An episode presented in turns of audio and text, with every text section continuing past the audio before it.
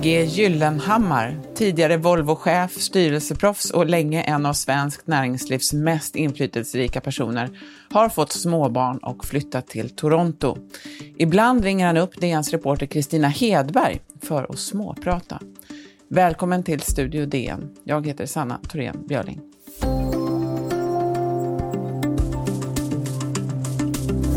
Jag är kategori dödsriket, säger PG Gyllenhammar, 85, om sin egen situation på karaktäristiskt galghumoristiskt vis till eh, Dagens Nyheter.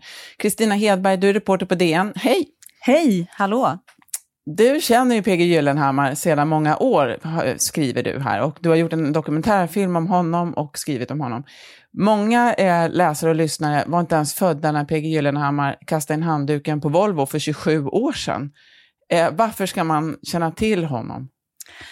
Ja, men han är ju en epok i, i Sverige, alltså personifierad eh, genom honom. Eh, han, var, han ledde Volvo och Volvo var den eh, tryggaste, mest eh, framgångsrika industrin i det tryggaste, mest självsäkra landet som fanns på den tiden. Det brukar ju pratas ibland om att vi var världssamvetet och så vidare. Eh, det, var, det är liksom en eh, en man, en industri och en nation på den tiden som eh, hade mycket gemensamt. På vilket sätt skulle du säga att han var ovanlig då, eller kontroversiell under sina mest liksom, verksamma år?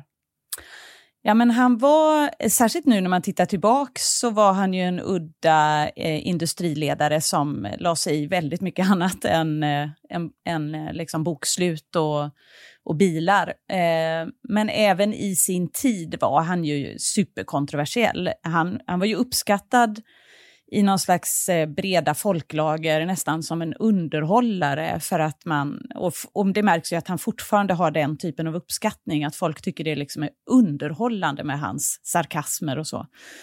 Eh, men han var ju också jättekontroversiell som ledare av precis samma anledning, att han ägnade sig åt jättemycket annat än själva industrin att han tog ut svängarna och, och, och, tog lite genvägar och rundade expertisen och så vidare. Och eh, han, det var ju till slut det som fällde honom, att han tappade kontakten med ett lager av aktieägare och eh, chefer eh, på det egna företaget som tappade förtroendet för honom. Mm. Du beskriver honom i din text som eh, verkligen kroniskt aktiv. Han var ju också väldigt orädd och öppet politisk. Och till skillnad från många andra direktörer var, var ju är Gyllenhammar folkpartist och inte moderat. Mm. Eh, hur, hur kommer det sig? Ja, men han är superliberal skulle jag säga. Eh, det finns ju en sån stark tradition i den här stan där jag jobbar och där han jobbade på den tiden, Göteborg. Eh, eh, men eh, ja, hur det kommer sig. Han, han, eh, han kommer från den traditionen. Det var mycket antinazistiskt motstånd och en, eh, en, väldigt mycket av de frihetliga värdena som han värnar. Eh, sen eh, kunde han, han, han var ju ett tag verkligen eh, i kanten av att gå in på riktigt i partipolitiken, men det gjorde han ju inte och det hade han säkert aldrig stått ut med. Han är, är en extremt otålig och inte en person som kanske passar i den typen av demokratiska sammanhang skulle jag säga. Han stod ju samtidigt Socialdemokraternas partiledare och statsministrar väldigt nära. Det är verkligen en bild av liksom det gamla, lite så här korporativistiska Sverige. Han är briljant, kunnig, visar inte den generositet som han skulle göra, tycker jag. Har jag sagt tidigare. Och jag tror att eh, många människor blir upprörda mm. över att han är så aggressiv. Och skulle önska att han visade lite mer hjärta även med de som inte tyckte som han. Ja, Kristina, vad är det här? Ja, men det där var Per G Gyllenhammar när han var gäst hos Hagge. Det var ett, ett en talkshow helt enkelt. Eh, Hagge Geigert hade här i Göteborg där han bjöd in eh, den tidens kändisar. Eh, och Per Gyllenhammar pratar om Olof Palme som ju var statsminister i Sverige på den tiden. en recension av Olof Palme som person och eh, politiker och eh, de två var nära vänner, alltså umgicks privat med sina fruar, spelade tennis och träffades på Gotland och allt sånt där.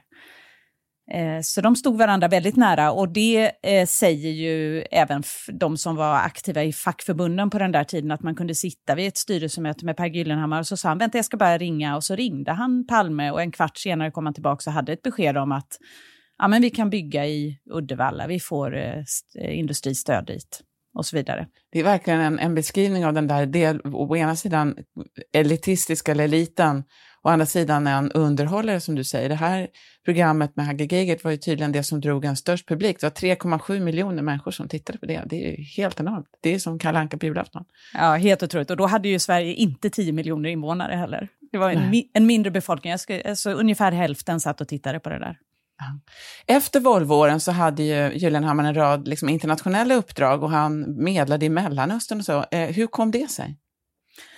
Ja, det där beskriver han själv i den här boken som han precis nu kommer ut med. Han rörde ju sig väldigt mycket i eh, internationella sådana här think tanks av typen Bilderberggruppen och Davos eh, eh, när det startades upp. Och eh, arbetade, hade kontakter på FN och ville vara den typen av person. Och eh, i något av de sammanhangen så dök den här tanken upp på att han skulle kunna resa själv till Mellanöstern och se om han kunde få dem att prata ihop sig. Vi vet ju att den konflikten fortsätter, ska jag säga, så alltså man ska inte tillmäta Per Gyllenhammar allt för stor betydelse.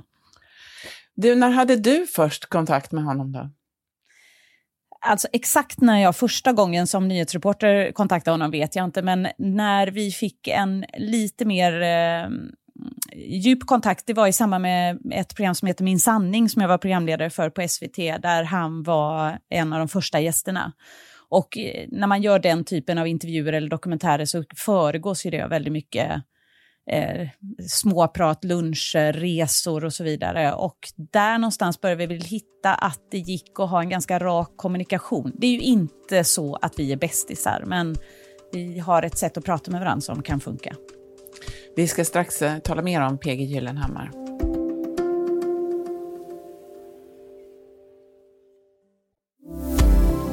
Studio DN idag med Kristina Hedberg om PG Gyllenhammar.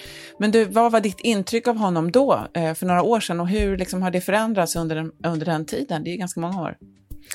Ja, det är väl en tio år någonting som, jag har, som vi har haft någon slags kontakt som har eh, varit lite närmare och nej men alltså, jag vet inte om det har förändrats så mycket. Han är ju oerhört eh, Alltså jag tycker ju att det är roligt med den typen av rakt på sak, lite obekväma människor, lite kärvt. Jag tycker att det kan vara roligt professionellt helt enkelt som samtalspartners.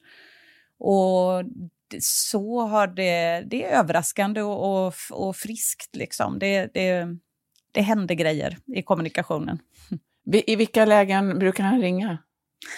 Eh, inte så att han brukar ringa mig jätteofta, men den här våren när pandemin slog till, jag tror att det var helt enkelt det som var utlösande, att eh, för den där febriga personlighetstypen som han är, så karantän, eh, inga resor, inga handslag, inga eh, nätverk på det sättet. Eh, det, det bubblade väl över helt enkelt, så då hörde han av sig ofta för att kolla hur, hur det stod till i Göteborg. Ringer du honom också? Jo, men mina ärenden brukar ju vara att jag är intresserad av att göra någon slags journalistik. Mm. Men, och nu skriver han bok, då, det är en av de saker han eh, har gjort i, eh, i, när han nu har suttit isolerad. Vad är det han vill säga i den här boken? Ja, precis. Den är klar, ska jag säga. Den är, är släppt, eh, finns eh, ute nu. Men den, är, den handlar extremt mycket om ledarskap, synen på Eh, ledarskap, ledare och inspiratörer han har träffat under sitt 85-åriga liv och eh, eh, ledare som han kanske inte har så höga tankar om, då framförallt eh, president Donald Trump i USA. Och så handlar det en del om arvet som han, han vill liksom dela med sig av de här insikterna eller erfarenheterna till inte minst då Barrett som är fyra och ett halvt år gammal och som är P.G. Gyllenhammars yngsta dotter. Just det. Det framgår ju också att han vill visa att han som bil, eh, bildirektör, in, visst, han kanske inte var miljöaktivist, var han i alla fall eh, miljömedveten. Ångrar du att du sålde så många bilar? Tänk om du inte hade kört så många bilar på jorden så hade kanske koldioxidutsläppen varit lägre. Jag hakar mig fast i den här miljögrejen helt enkelt. Ja, ja, men, men, men, men jag var pionjär när det gäller miljögrejen. Det har, det har du aldrig kopplat va? Jo, det har jag. Jag vet att du satte stopp för, jo, jo, men, men, men, för men, den bilmodellen. Det, men det är klart att det idag inte Nej, det var inte, det var inte, nej, det var, det var inte alls bilmodellen, det var tekniken. Det, det, det, det, var, ja, det, var, det var tron på att klimatet skulle ändras. Men ingen av oss hade ju liksom, gjorde ju tillräckligt. Jo, jag hade det. Jag, jag, hade, jag, jag gjorde det tillräckligt enligt min uppfattning. Ja, stämmer det här? Nej, det är bara klassiskt eh, hur det kan låta. Man får sig en örfil och får veta att man inte har läst på ordentligt. Eller, eller i hans eh, tycke tycker han inte det då. Eh, nej, stämmer. Det är väl eh, enormt många som eh, har invändningar mot när Per Gyllenhammar vill beskriva sig som någon slags eh, pionjär och Ja, pionjär kanske de inte behöver, men, men vad gjorde industrimännen för miljön och klimatet? Eh, det är klart att inte det, allt det han stod för har gynnat den utveckling vi har idag. Men att han var, han var väldigt präglad av, i sina tidiga böcker på, i början av 70-talet var han ju väldigt präglad av eh, Eh, den tidens miljörörelse och Tyst vår-boken och idén om att eh, resurserna på jordklotet var ändliga. Och mm, han var en obekväm ledare när han började på Volvo med att säga det, att vi är del av problemet, men vi ska också vara del av lösningen och så vidare. Och han stoppade faktiskt då en, en bensinslukande bilmodell som var egentligen klar för lansering.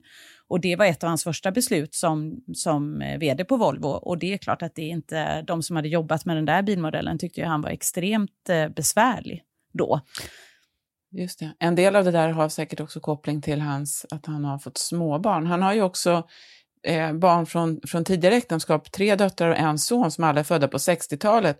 Och de här döttrarna, de har ju alla väldigt kreativa yrken. Eh, Cecilia är författare, Charlotte är ju en framgångsrik konstnär, Sofie är smyckesdesigner och eh, sonen Oskar är ju entreprenör då.